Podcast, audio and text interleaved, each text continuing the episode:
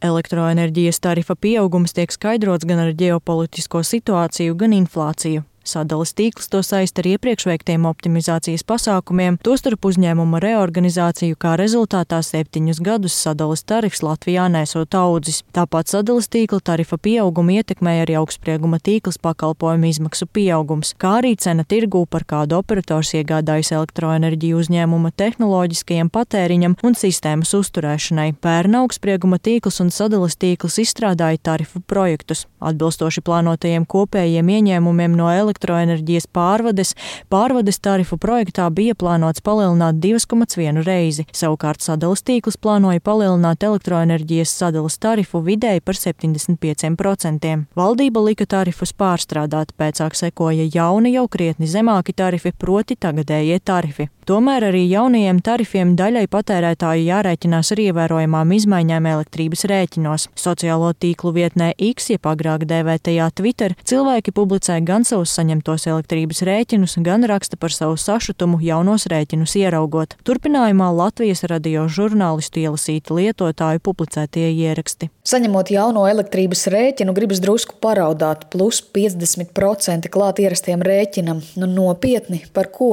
Nē, mēs nevaram šobrīd atļauties saules paneļus. Biju nepatīkami pārsteigta, saņemot savu rēķinu par vasarnīcu, kurā jūlijā praktiski neesmu bijusi. Rēķins gandrīz kā ziemas mēnešos, kurinot sildītāju. Apkalpošanas maksa dārgāka nekā pati elektrība.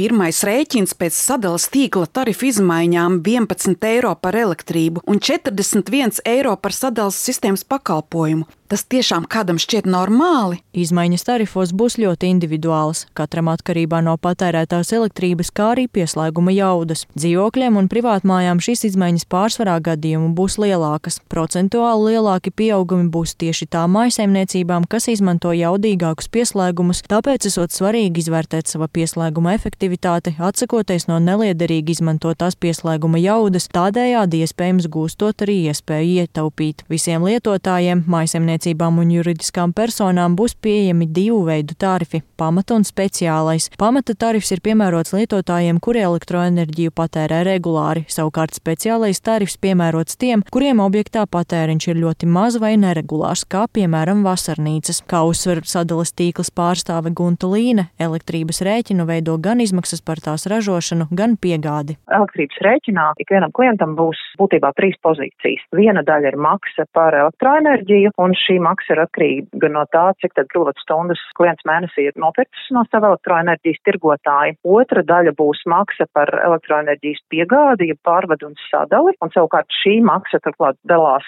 divās komponentēs, ja tā varētu teikt, maksa par pieslēguma jaudas nodrošināšanu un attiecīgi arī maksa par piegādātajām kilovatstundām, par šo kilovatstundu piegādi, un visbeidzot trešā daļa rēķinā ir pievienotās vērtības nodoklis, kas tiek attiecināts gan uz pašu elektroenerģijas cenu, gan attiecīgi tad arī uz piegādes cenu. Gunta Līna arī norāda, ka sākot no 2025. gada elektroenerģijas tarifu pārskatīs reizi gadā, ja kādi ārējie faktori būs mainījušies, piemēram, būs samazinājusies elektroenerģijas cena, tad samazināsies arī elektroenerģijas tarifs. Agnija Lazdiņa, Latvijas radio.